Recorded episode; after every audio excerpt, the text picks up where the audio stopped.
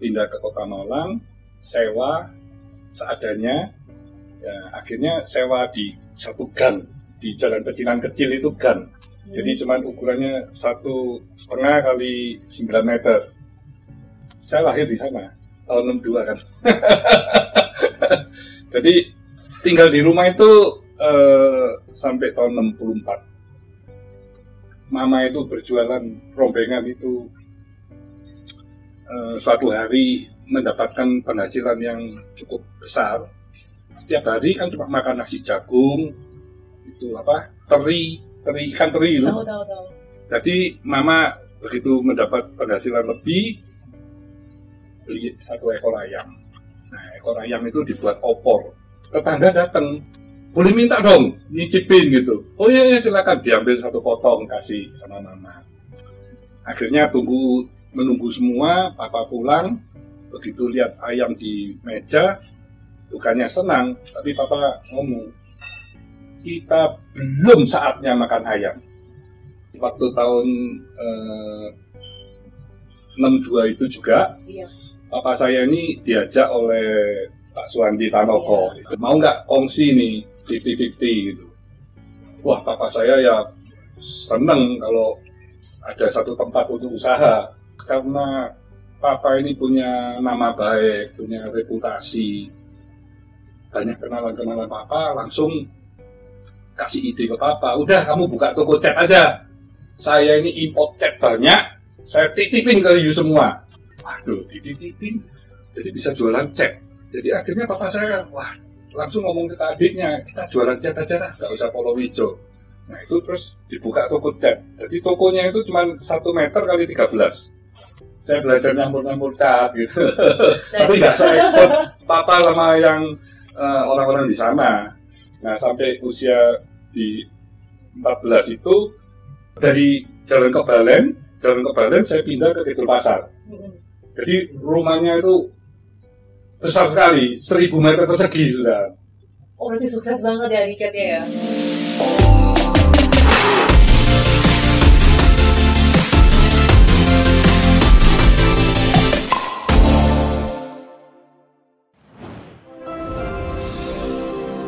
Video ini dipersembahkan oleh 101red.com. Jualan online tanpa ribet. Halo semuanya, kembali lagi jumpa dengan Christina Lee. Kali ini merupakan suatu kehormatan buat saya, dan saya sekarang lagi di Surabaya bersama Pak Hermanto Tanoko, Ya. ya, bosnya Avian, bosnya Cleo, minuman mineral water. dan langsung aja saya kenalin, beliau ini adalah Pak Hermanto Tanoko, Group CEO dari Tancorp Group.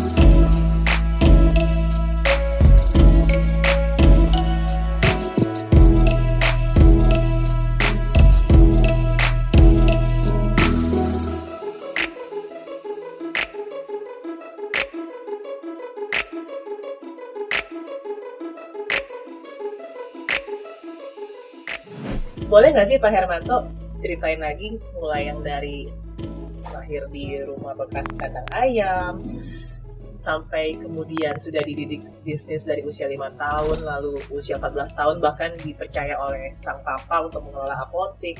Nah itu tuh kisah menginspirasi sekali sih. Boleh boleh Pak Hermanto ceritain dari awalnya nggak?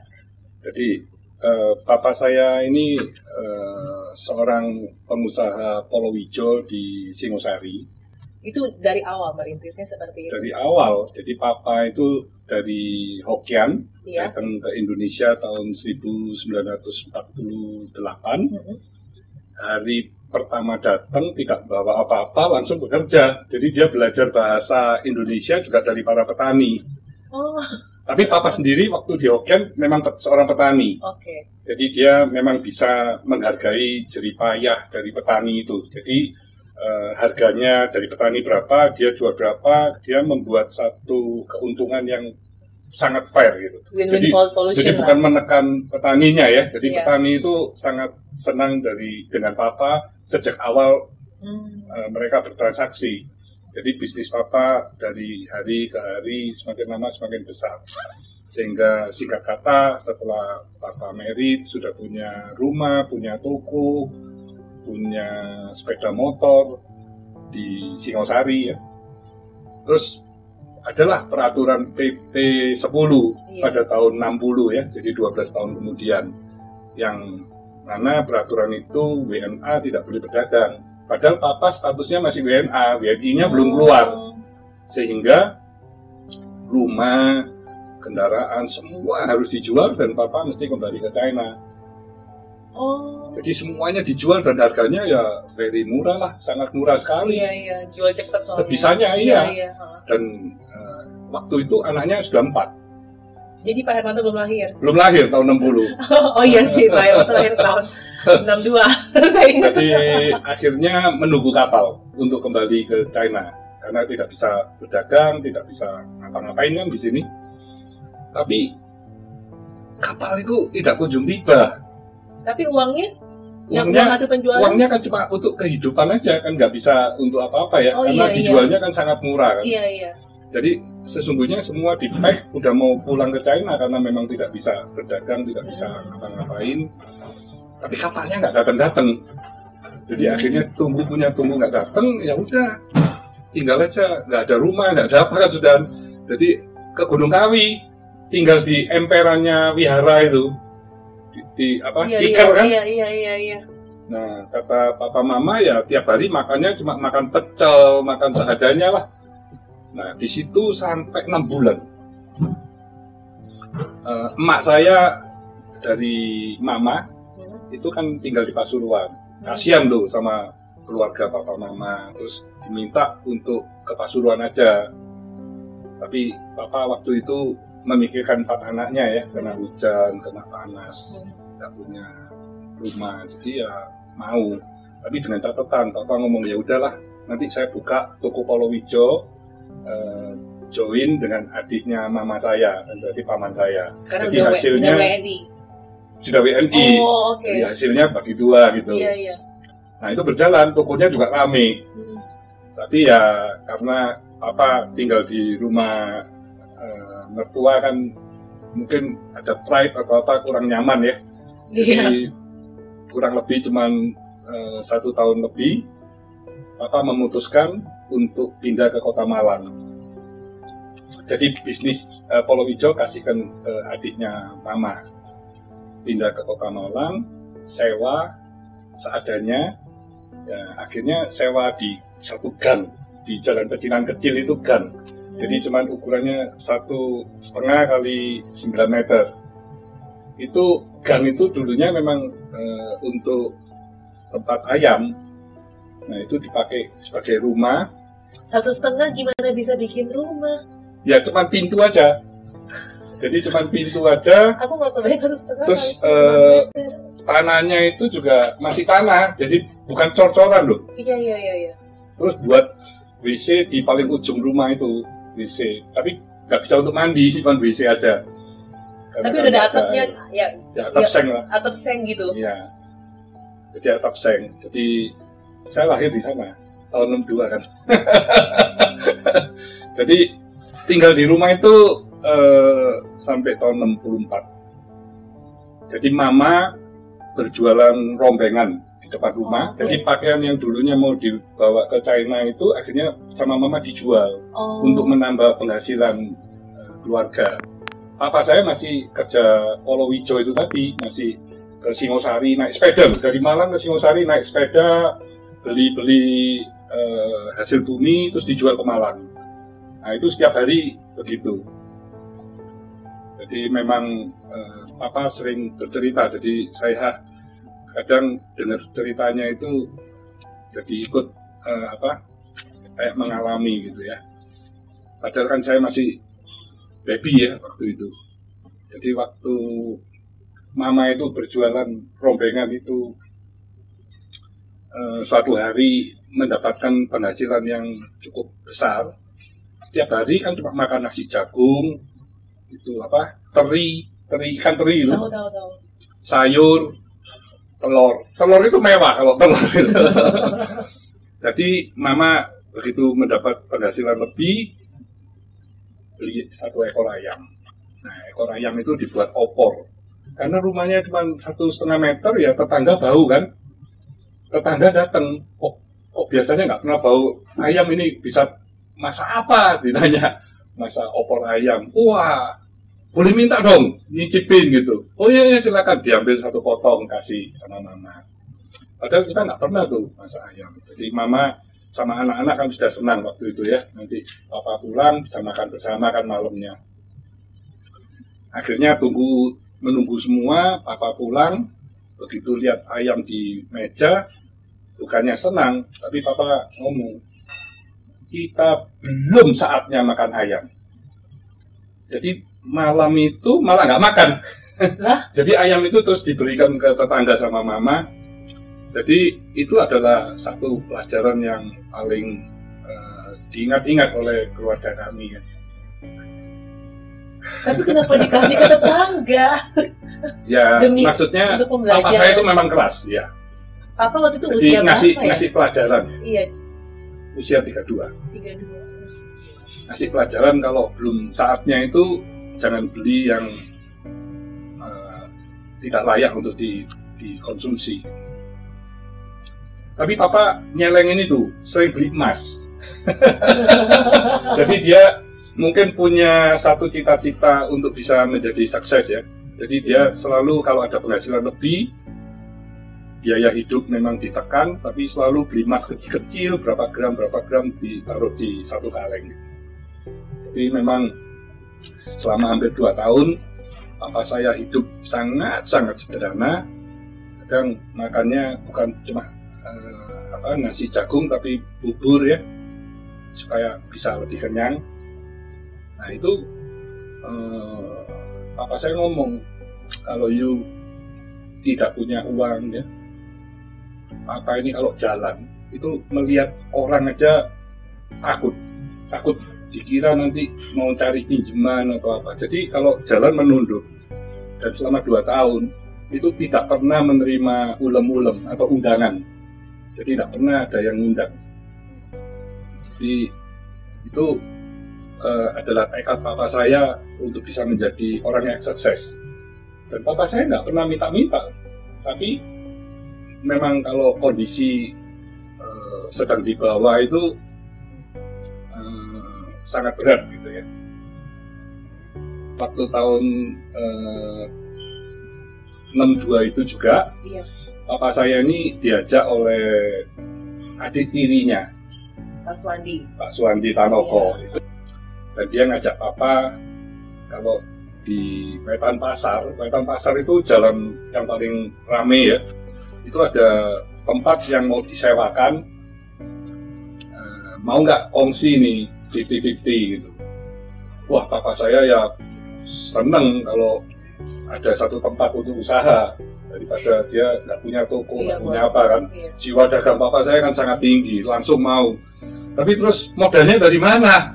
Aduh, iya papa nggak punya uang sudah. Terus kalau Suwandi bisa minjem ke mamanya, Hmm. akhirnya papa saya ngomong, oh saya ada Pak Tasir. Pak Tasir itu dulu langganan saya yang paling setia di Singosari dan selalu papa memberikan hutang kan kalau waktu Iya, zaman iya. itu. Sekarang saya dengar kaya raya. Sudahlah saya ke Pak Tasir aja pinjam uang ke Pak Tasir. Jadi papa saya itu langsung ke Singosari naik sepeda terus ke Pak Tasir terus mengutarakan Pak Tasir eh, saya ini mau sewa toko mau buka toko di Malang oh kenapa terus Pak Tik dia ngomong papa saya Pak Tik Iya. saya ini perlu modal Pak perlu mau pinjam uang loh berapa Pak Tik? Nah, dia ngomong satu angka, dan angka itu uh, ekuivalen dengan setengah kilo emas. Jadi kalau sekarang ya kurang lebih 300 juta ya. Gede juga ya buat Jadi ya. waktu itu Pak Tasir langsung bunyi arek-arek gitu, dia manggil bunyi arek-arek. Bawa uang untuk Pak Tik sekian gitu, persis jumlah yang Papa minta itu. Terus dia masih ngomong, Pak Tik, apa cukup? Mau double? Dia ngomong gitu. Udah ada Pak, sudah cukup itu Pak, cukup untuk saya uh, berdagang dia ngomong, untuk sewa tempat segala. Wah, kalau kurang ngomong Pak Tik, saya kasih dia ngomong. Uangnya itu katanya papa saya dibuka di lemari itu, wih, banyak sekali katanya. Jadi memang kaya raya. Terus yang papa paling ingat, tidak ngomong kapan mau kembali, bunga berapa, enggak pernah ngomong. Wis Pak Tik, pokok ono balik, gak usah balik, enggak apa-apa. Jadi papa saya itu, aduh orang ini begitu baik ya. Tapi dia juga ingat waktu papa di toko, juga dia hutang budi sama papa saya. Jadi dia sekarang itu piara sapinya banyak, tanahnya besar. Jadi memang jadi pedagang yang sukses dia.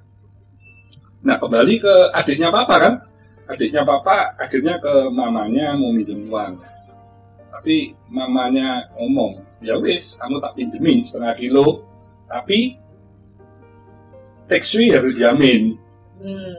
Apa saya ini bingung dulu, ini saya ini kan anak tiri termasuk Iya. ya, itu anaknya yang pinjam kok saya yang jamin. Wes, saya jamin. Jadi akhirnya dapatlah satu kilo, terus toko itu bisa disewa. Nah, Papa waktu itu masih berpikiran mau membuka toko Polowijo. Tapi you tahu nggak, itu ukurannya satu setengah kali 13 meter. Di tokonya ini. Iya. Jadi sesungguhnya satu setengah itu itu adalah gang untuk menuju ke rumah pemilik, Oh. tapi sama dia disewakan. Oh. Jadi akhirnya papa saya ngomong, wah kalau seperti ini ya nggak bisa, kalau untuk Polowijo nggak cukup. Terus karena papa ini punya nama baik, punya reputasi, banyak kenalan-kenalan papa, langsung kasih ide ke papa, udah kamu buka toko cat aja. Saya ini import cat banyak, saya titipin ke you semua. Wah, eh, papa saya bingung, waduh iya juga ya, kalau cat cukup nih, Iya, majangnya. Terus habis itu ada teman satu lagi, woi aku udah punya cat loh, tak titikno kamu juga dia ngomong gitu. Waduh, dititipin, jadi bisa jualan cat. Jadi akhirnya papa saya, wah langsung ngomong ke adiknya, kita jualan cat aja lah, nggak usah Polowijo. Nah itu terus dibuka toko cat. Jadi tokonya itu cuma satu meter kali 13. Karena yang antara Setengahnya buat 6, jalan. 60 cm itu buat jalan. Jadi ini papan babak kalau sore jam 5 toko tutup di pasang papan semua supaya yang pemilik pemilik rumah masih bisa keluar masuk kan. Hmm. Jadi eh, papa saya memulai bisnis cat itu waktu saya lahir di bulan September tahun 62. Jadi itu pertama kali buka toko cat dan papa ini memang very kreatif. Waktu itu cat import itu cuma warnanya 12 warna. Papa belajar nyampur sendiri. Dia Oh. otodidak. Jadi dia belajar nyampur terus ini cat untuk sepeda motor ya. Untuk cat sintetik dia belajar nyampur terus. Jadi akhirnya apa jadi pinter. Jadi orang mau beli satu on, mau beli dua on dia layani. Itu dari situ setelah papa punya keahlian, papa bisa beli cat-cat dari toko-toko lain yang eh, relatif dia nggak bisa jual, warna nggak laku, papa bisa nyampur kan. Jadi bisa dapat harga murah tapi jualnya harga standar. Dan presiden eh, RI waktu itu juga mengeluarkan banyak sekali peraturan-peraturan bahwa cat import tidak boleh masuk, ya masuknya ditinggi-tinggiin. Jadi Papa cuma jual kira-kira antara 5% 10% sudah bisa membayar semua titipan itu tadi. Hmm. Jadi akhirnya tahun 64 eh, sudah bisa membeli rumah di Jalan Kebalen, Malang ya. Nah di situ mama saya terus buka toko palen yang seperti Indomaret itu tahun Oh, 64. Oke. Jadi mama buka toko palen, papa buka toko cat. Kami anak-anaknya ini melihat mereka begitu eh, kerasnya dalam bekerja, jadi eh, mereka secara nggak langsung memberi contoh gitu. Kalau malam semua anak ngitungin uang, ngelebarin uang kan sen-sen itu ya, sen tali kan ya ada baunya itu bau, bau banget. Semua ditata supaya bisa besoknya sudah rapi itu tiap hari lah. Setelah semua selesai baru makan malam jam setengah sepuluh jam sepuluh malam gitu, biasanya Makan malam keluarga jam 10 malam. iya barengan makan setelah semua toko tutup ngitung uang selesai terus kita makan bersama Yang saya eh, waktu itu nonton dari Rico Wong ya, usia lima tahun itu udah diajarin. Nah itu gimana cara mengajarkan seorang anak usia lima tahun tuh saya nggak kepikir loh. karena gini Berbisnis gitu loh. eh, setiap imlek itu kan kami ini mendapat angpau Iya. Nah, waktu dapat angpau eh, kan masih kecil, nggak bisa dong kalau angpaunya terus event sendiri kan papa mama juga khawatir. Jadi mama papa saya ini memang idenya juga banyak ya. Saya waktu Kreatif itu banget. ditawarin, eh kamu mau nggak ini terigu, ini mau naik ini. Kalau harganya naik, uang kamu kan bisa meningkat gitu. Jadi waktu itu, oh ya bisa, oh ya bisa mau, catat bawa buku, dicatat kan, Catat harga sekarangnya nih. catat harga waktu dia beli itu tadi kan. Oh oke, iya. Terus besoknya udah tanya, udah naik belum? udah laku belum? Iya kan Jadi tiap hari tanya.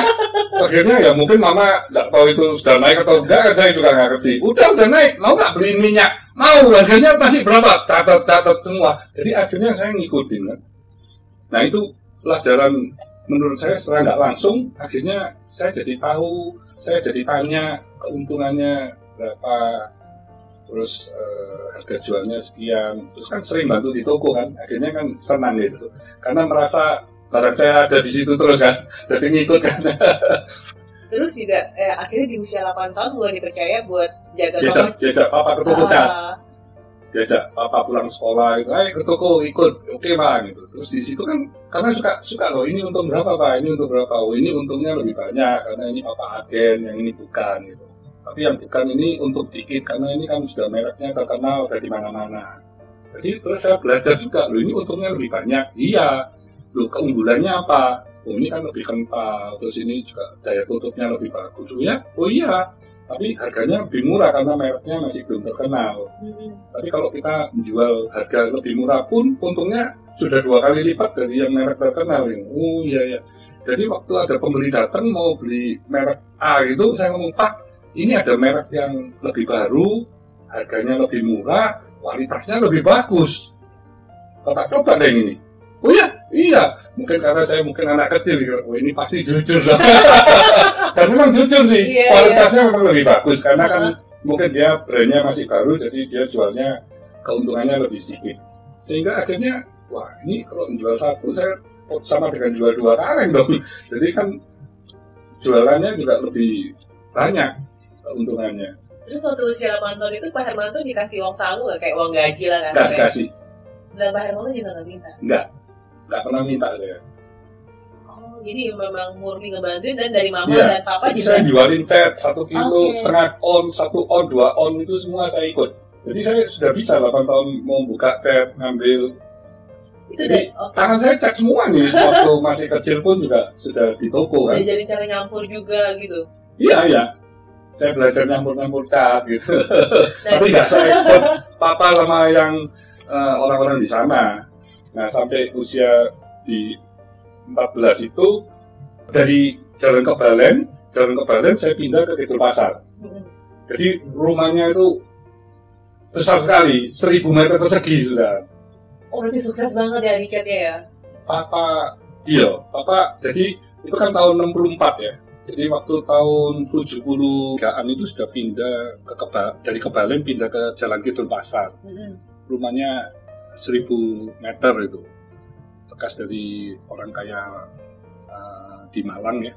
Yang dan yang di pas dipindah itu juga yang baru beli apotek itu yang di sebelah rumah. Nah, sebelahnya rumah yang 1000 itu ada apotek. Oh, Waktu usia 14 saya dipanggil papa. Ini sebelah apotek mau dijual. Kalau nggak dibeli sayang, karena ini kan satu blok. iya.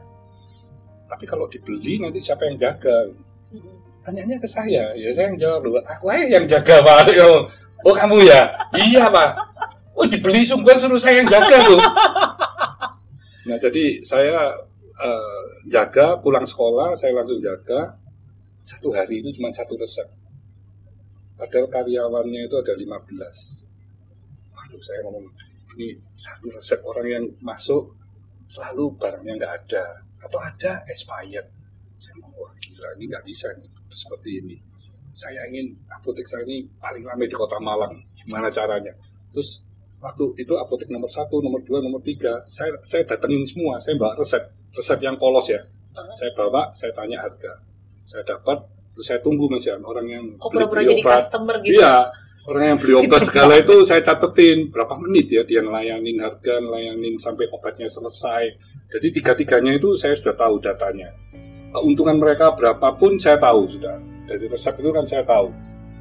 Akhirnya saya minta uang ke papa. Pak, ini apotek ini nggak bisa bersaing kalau dibiarin begini. Saya minta modal. Untuk apa? Saya mau belinya itu semua cash. Karena kalau cash saya dapat potongan bisa 20%, 15%. Nah, cash itu nanti mau saya kasih ke pembeli. Jadi untungnya papa tetap sama, tapi pembeli dapat harga yang jauh lebih murah dari apotek-apotek yang ada di Malang. Oh ya, kasih. Terus main itu Pak, yang di obat-obat bebas OTC itu kan, itu saya jual harga semua harganya tuh obat. Tuh obat berapa saya nyangin tuh obat, itu kan obat bebas. Oh iya iya, iya. saya kasih harga itu kayak Potre, Onidin apa. Harganya sama dengan toko. Jadi kalau orang beli obat di apotek saya dia melihat etalase, ini ini toko obat atau apotek ini mungkin dia bingung karena waktu zaman itu kalau apotek itu terkesan mahal. Kalau mau murah ya Toko belinya di obat. toko obat gitu. Tapi bagi saya paradigma itu mau saya rubah. Jadi di apotek itu bagus kita obat pasti asli dan harganya juga murah. Dan eh, setelah saya membuat satu strategi selain harga, kan obatnya juga nggak lengkap mas ya. Obat nggak lengkap, saya minta bagian pembelian untuk membeli setiap obat baru. Tapi eh, waktu itu kan juga pasti butuh waktu kan. Jadi saya masih nempel-nempel ke apotek lain sehingga supaya pasien itu nunggu tidak terlalu lama. eh, kelemahan saya itu saya rubah menjadi satu kekuatan yaitu antar jemput gratis. Jadi saya bilang, udah nggak usah ditunggu dah, yuk pulang aja nanti saya kirim. Loh, nanti bayar kita, udah usah semua free. Saya ngomong, ongkos kirim gratis, ambil resep gratis. Saya cuma invest sepeda motor bekas waktu itu.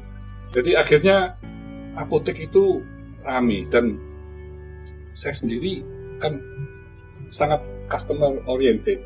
Nah itu terus sampai sampai tahun berapa? Maksudnya berapa tahun Pak Hermanto di sana? Eh, sampai enam tahun, Sampai enam tahun. enam tahun. Berarti dari Sampai umur saya married. empat. Oh. Nah terus gimana waktu itu awal-awal Pak Hermanto usia 14 tahun memimpin 15 orang karyawan? Ya, itu tantangannya memang berat. Tapi mungkin karena saya ini rajin ya, obat itu saya tata setiap hari, saya baca terus. Jadi saya itu hafal obat apa pun tanpa melihat kartu stok waktu itu. Padahal ribuan ya. Karena rajin ya, tiap, tiap hari kan saya tahu semua. Jadi mere- mereka kalah sama saya karena saya tahu semua kan tempat-tempatnya. Karena setelah berapa bulan saya baca resep malah lebih bisa dari mereka kata-kata. Oh. Dokter kata-kata kalau nulis kan seenaknya ya. Nah terus juga setelah setelah enam tahun itu kan berarti kan Pak Hermanto eh, yang kalau yang saya baca akhirnya kan dipindahkan untuk ngurus. Saya diminta papa untuk bantu di pabrik cat. Nah Karena papa iya, itu tahun 78 beli pabrik cat. beli pabrik. Iya, di usia papa 48 loh. Jadi mulai dari toko ke pabrik. Nah, papa di usia 48 itu memulai pabrik cat itu dengan 18 karyawan. Jadi termasuk home industry lah ya.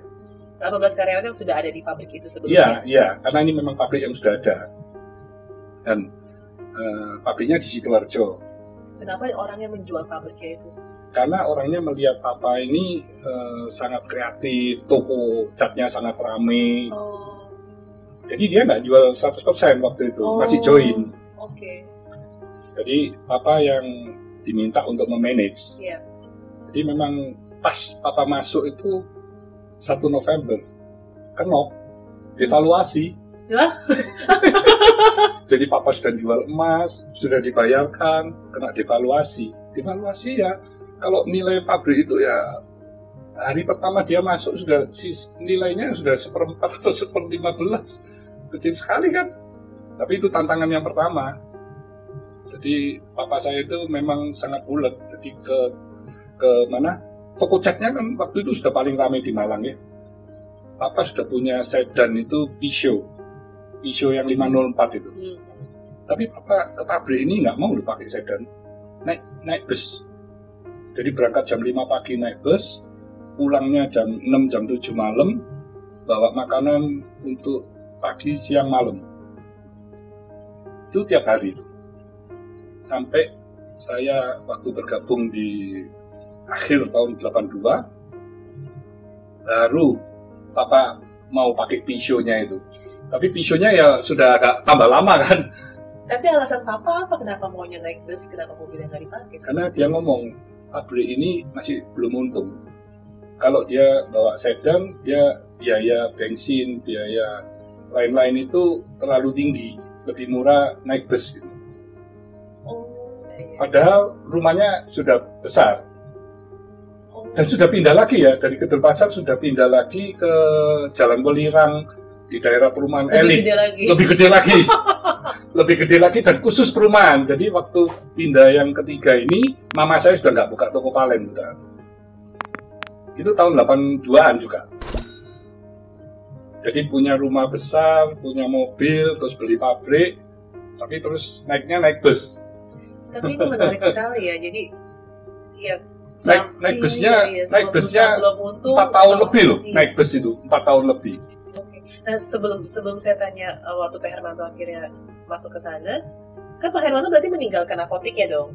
apoteknya saya serahkan ke kakak saya kakak perempuan saya Hmm, oke. malah di tangan kakak saya itu terus apotek yang cuma satu itu bisa berkembang menjadi nama apotek di Malang dia malah ngembangkan lagi ya dengan suaminya ya Iya iya. Hmm. Pak Hermanto sendiri bekerja dari umur 14 tahun seperti itu mengganggu sekolah nggak sih? ya belajarnya pagi jam 4, jam 5 pagi gitu Tidurnya jam berapa? jam 9, jam setengah 10 lah sampai sekarang kebiasaan saya begitu Nah, saya pagi jam 3, jam 4 kadang bangun juga tapi Pak Hermanto a- ada masuk ke jenjang kuliah juga Eh, waktu krisis yes setelah krisis setelah krisis tahun berapa tuh? tahun 98 ya Oh baru kuliah akhirnya. iya tahun 2000 2000-an lah itu kenapa sampai akhirnya mau kuliah padahal kayak harusnya udah sukses kan di luar gitu. ya cuman ingin ngerasain Ingin aja ingin ngerasain tahu aja. aja, tapi Iya, iya. sesungguhnya pelajaran yang paling penting itu di sehari-hari you melakukan bisnis itu ya you belajar sesungguhnya. Itu pelajaran yang sangat penting ya. Dari keseharian itu kalau you bisa menganalisa terus akhirnya bisa membuat uh, prioritas-prioritas yang perlu dilakukan dan you eksekusi gitu bukan cuma ngerencanain aja tapi dijalankan. Itu yang paling penting. Karena banyak orang saya lihat banyak perencanaannya bagus-bagus tapi dia tidak melakukan eksekusinya dengan baik Iya benar.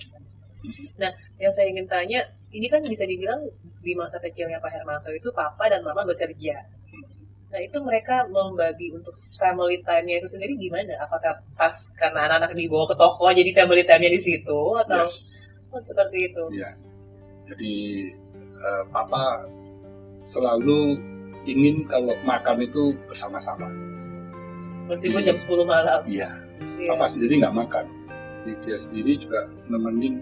Waktu saya dari apotek pulangnya jam 9, jam setengah 10, jam 9 Kadang setengah 10 cuma hari-hari tertentu waktu rame, ya papa belum makan. Nungguin. nungguin di rumah itu. Jadi itu bagi saya eh, sesuatu yang eh, penghargaan yang luar biasa ya. Terus kalau Sabtu keluar makan bersama-sama satu keluarga, makannya makan soto, nanti makan ayam goreng gitu. Itu sudah mewah sekali ya di pinggir jalan kadang-kadang ya. soto Lamongan gitu. Tapi kebersamaan itu yang menurut saya eh, eh, yang menjadi kami itu jadi satu keluarga yang solid. Nah, Pak Hermanto sendiri, ada nggak sih yang Bapak duplikasi dari cara didiknya Papa ke anak-anaknya Pak Hermanto sendiri? Gimana apakah dari kecilnya di dibentuk di shapingnya itu loh? Ya saya selalu berkomunikasi dengan anak. Besok you mau besar mau jadi apa Dari kecil nih. dari kecil. Iya. Jadi saya sering bercerita juga kalau uh, orang bekerja itu kalau gaji misalnya dengan uh, gaji yang satu juta, tapi dia bisa punya anak tiga, bisa membiayai sekolah untuk kehidupan rumah tangga. Jadi nilai-nilai uang itu saya ajarkan juga. Tapi di sisi satu, kalau lagi berbisnis juga saya kasih nih cara berbisnis itu seperti ini. Jadi mereka kedua-duanya saya kasih supaya ada keseimbangan. Jadi jangan kalau sudah punya uang atau punya uh, apa uang yang berlebihan itu terus dia jadi gaya hidupnya itu ngikutin gitu ya. Jadi anak-anak saya itu uh, waktu uh, kuliah juga saya cuma kasih pilihan dua. Yuk kuliahnya mau ambil jurusan apa terserah. Tapi you hanya boleh milih kalau mau di Perth atau di Surabaya. Jangan pilih yang lain gitu. Kenapa pilihannya cuma dua itu? Karena bagi saya dan istri saya uh, kalau anak sekolah di luar negeri kami harus sering datang. Jadi kalau kalau dia sekolahnya bisa di beberapa tempat anak saya empat kan saya yang repot kan. Iya iya. Jadi iya. waktu Belinda mulai sekolah di tahun 98, Melisa juga karena krisis kan. Iya. Jadi mendadak saya sekolahkan di Perth. Itu saya dan istri setiap minggu, setiap bulan itu ke Perth. Setiap bulan. Setiap hari sama istri saya ditelepon. Setiap hari. Tidak pernah enggak. Jadi uh, kami uh, ingin tahu perkembangan anak, ada masalah apa. Dan dari sisi uang saku, kami kasih bank. Bank, bank, bank account yang mereka bisa pakai kalau mau menggunakan. Tapi setiap bulan mereka mesti kasih laporan, laporan untuk apa, untuk apa. Dan so far anak-anak saya itu semuanya luar biasa. Pak Hermanto sendiri mengenalkan kalau tadi Pak Tikno kan mengajarkan Hermanto dari usia lima tahun kan. Hmm. Kalau Kak, saya ingin tahu gitu caranya gimana dari Pak Hermanto sendiri mulai dari anak usia berapa mulai diajarkan seperti itu? Saya eh, anak memang saya suruh sekolah sampai selesai di S1 dulu sih. Iya baru kerjaan ini kan sudah banyak sekali yang mereka bisa kerjakan ya. Hmm. Jadi eh, waktu anak-anak kuliah cuma saya ajak ke kantor, ajak ke pabrik, mereka melihat cara kerja. Tapi kan skalanya sudah bukan toko lagi ya. Iya. Jadi mereka cuma melihat membantu yang bisa dibantu, tapi bukan di selain satu tugas ya, karena mereka masih punya uh, pelajaran yang harus diselesaikan. Tapi yang saya ngomong sama anak-anak, kamu lulus S1 langsung kerja. Jadi waktu Belinda itu lulus dengan honors, itu dengan dosennya kan diminta untuk lanjutin di S2 dan dia akan menjadi asisten dosen sehingga nggak perlu membayar kuliah segala macam. Saya ngomong, Bapak kan sudah ngomong dong, kamu sampai S1, kamu pulang, kerjaan sudah banyak yang bisa kamu pegang. Kalau kamu memang mau belajar lagi, nanti kamu mau belajar di bidang apa, maka akan hire konsultan. Konsultan oh. yang diperlukan oleh company. Iya. Kamu mau HR iya. consultant, kamu mau finance consultant, tax consultant, itu kamu akan lebih cepat belajarnya. Apa nggak mau suruh kamu belajar di perusahaan-perusahaan besar atau perusahaan-perusahaan lain, langsung di perusahaan papa sendiri, tapi kamu tak datangkan guru-guru yang langsung bisa mengcoach kamu untuk bisa menjadi seorang leader yang baik. Jadi prinsip saya, saya ingin supaya anak saya itu arahnya itu cepat. Kalau bekerja di perusahaan orang lain kan nanti dikasih tugas apa kan tidak jelas.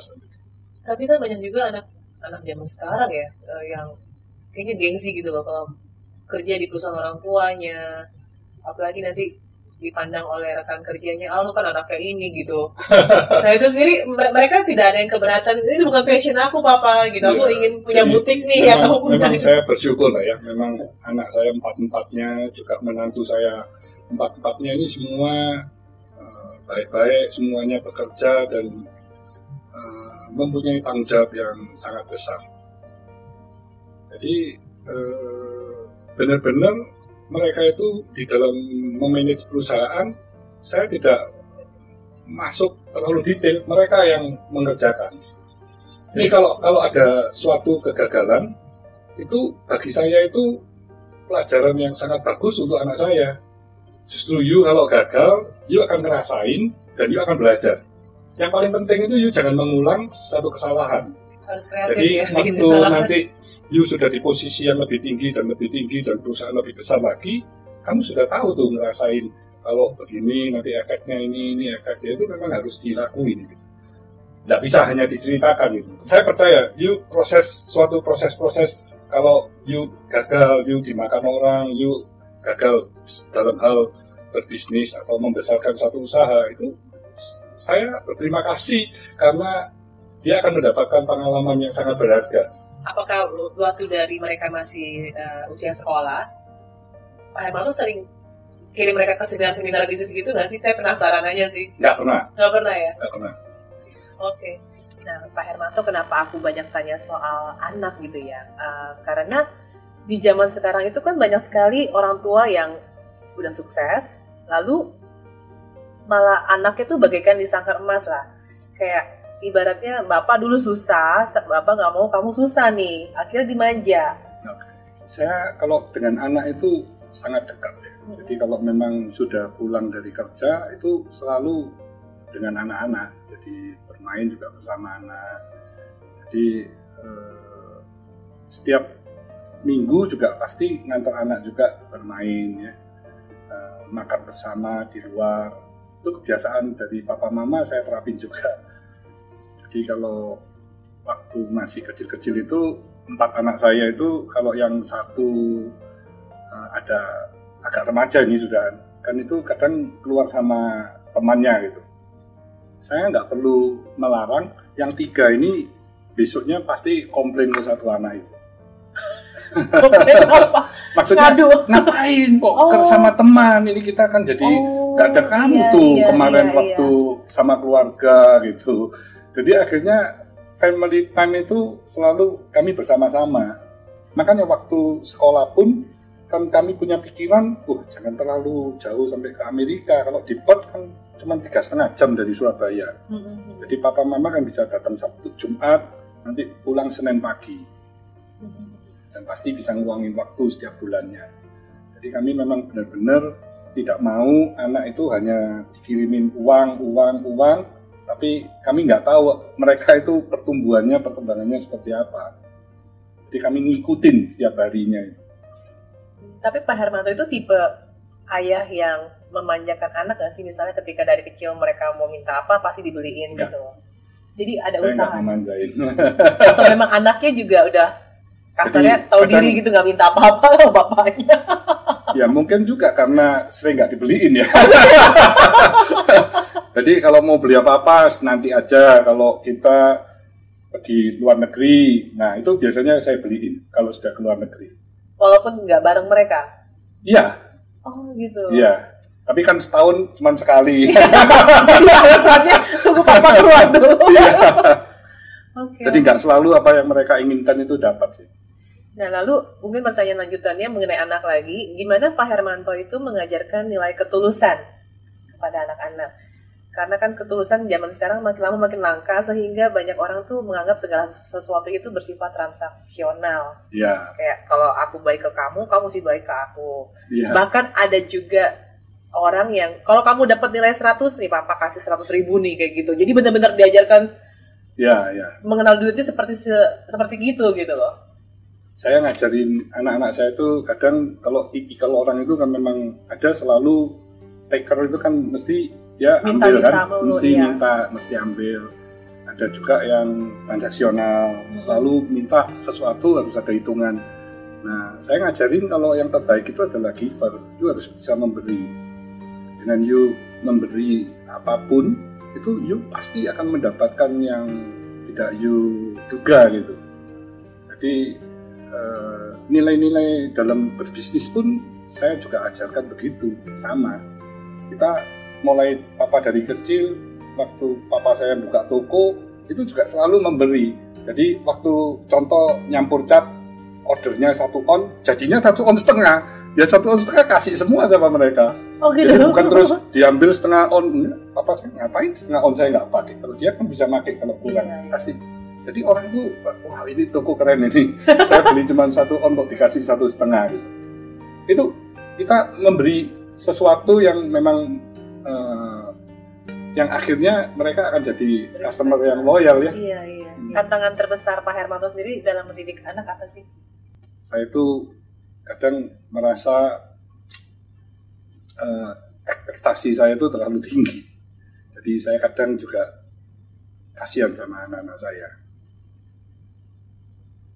Mereka sudah berusaha dengan maksimal, tapi mungkin saya melihatnya ini kok cuman segini.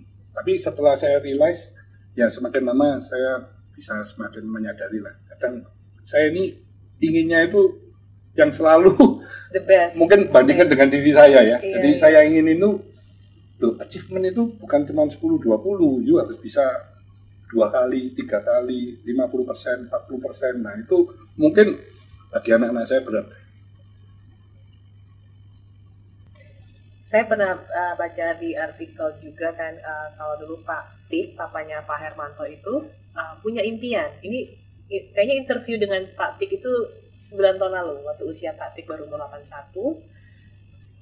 Masih ada nggak sih harapan dari papanya Pak Hermanto yang menurut Pak Hermanto sendiri kayaknya belum terwujud gitu loh hingga sekarang.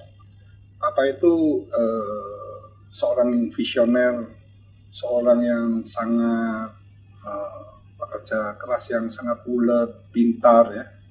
Papa selalu mencari hal-hal yang inovatif ya, mau yang berbeda dengan apa yang ada di pasar atau kompetitor. Nah, Papa itu sudah mendidik mulai dari anak, menantu, juga cucu-cucu. Papa cucunya sudah 37 ya. Semuanya bekerja. Jadi menurut saya Papa seorang yang hebat ya. Dia bisa membuat anak cucu semuanya bekerja dengan benar. Tapi ada satu yang eh, sangat disayangkan karena Papa tiga tahun yang lalu ini kan eh, menderita Alzheimer ya. Yang mana sebelumnya papa saya selalu bercerita sama saya, papa ini kalau sampai tidak bisa jalan, tidak bisa kerjakan sesuatu sendiri, itu lebih baik papa nggak ada. Papa nggak mau di kursi roda atau dibantu orang, nggak mau papa. Papa pasti tidak mau. Tapi papa bisa tidak memperhitungkan dan kami semua keluarga juga tidak tahu kalau ada penyakit yang namanya Alzheimer itu. Jadi papa sendiri lupa. ya.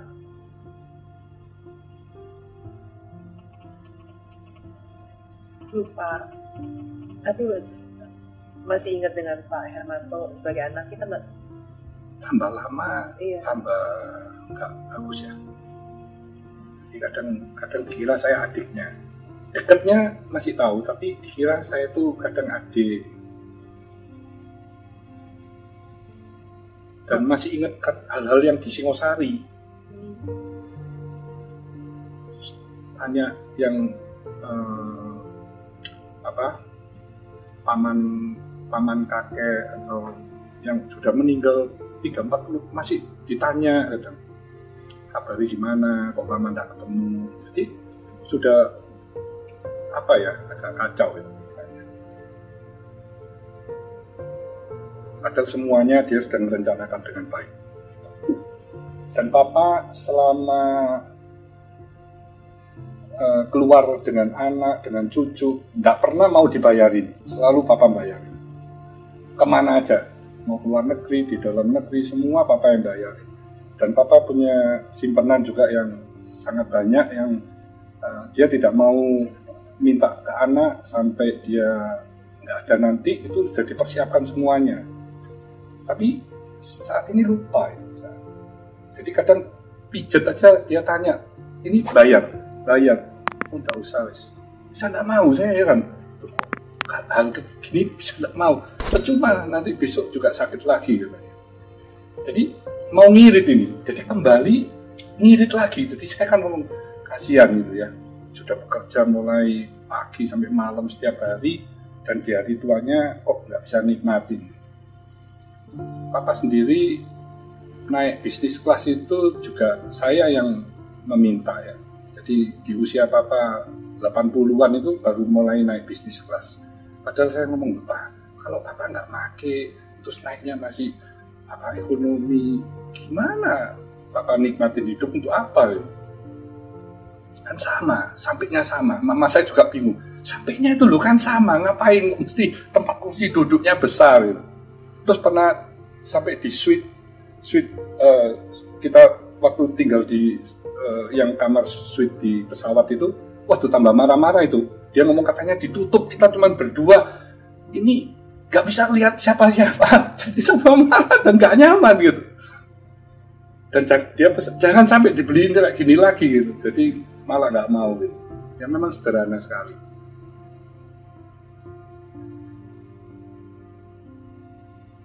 Tapi papa sendiri pernah biasa kan sebagai orang Chinese tuh keras ya sama anaknya. Papa sendiri pernah bilang bangga sama Pak Hermanto. Dia nggak ngucapin, tapi saya tahu dia cinta banget sama saya. Jadi waktu saya uh, waktu masih belum pernah ke luar negeri pun papa selalu nemenin nemenin pertama kali nemenin saya terus ke luar negeri ke Hong Kong. Waktu saya usia 20 tahun lebih ya itu dijemput di bandara terus dibawain makanan nasi bebek. Jadi dia tunggu itu di depan. Jadi begitu saya turun dari bus itu sudah ada papa di situ. Kebiasaan papa untuk selalu makan bareng sampai sekarang masih? Masih, tapi kalau sekarang kan sudah sudah mulai agak sudah lupa. Jadi kadang sudah makan masih minta makan, kadang belum makan tapi nggak mau makan. Jadi sudah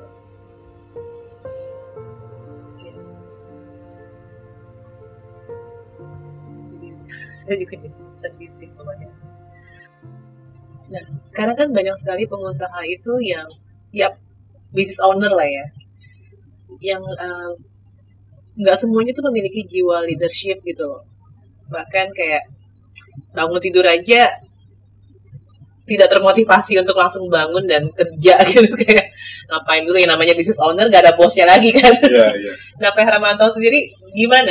Apa sih yang memotivasi Bapak untuk tetap semangat setiap pagi gitu? Dan gimana cara Bapak sendiri menularkan value dan visi Bapak itu ke level-level manajemen yang mungkin di kantor-kantor cabang sehingga mereka memiliki value yang sama, kesederhanaan yang sama gitu loh.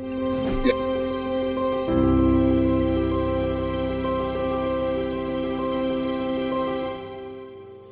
Tidaklah masalah berapa kali kita gagal. Tidak penting berapa kali kita hampir berhasil. Kecewa karena gagal itu masih jauh lebih baik daripada menyesal tanpa melakukan sesuatu. Yang perlu kita lakukan hanyalah belajar dari kegagalan itu dan dari orang-orang di sekitar Anda dan yakin kalau kita pun bisa bangkit. Janganlah takut dengan kegagalan, karena jalan menuju kesuksesan adalah dengan selalu mencoba setidaknya satu kali lagi. Dan ketika kita mencapainya, semua yang tidak tahu kisahmu hanya bisa berkata betapa beruntungnya Anda.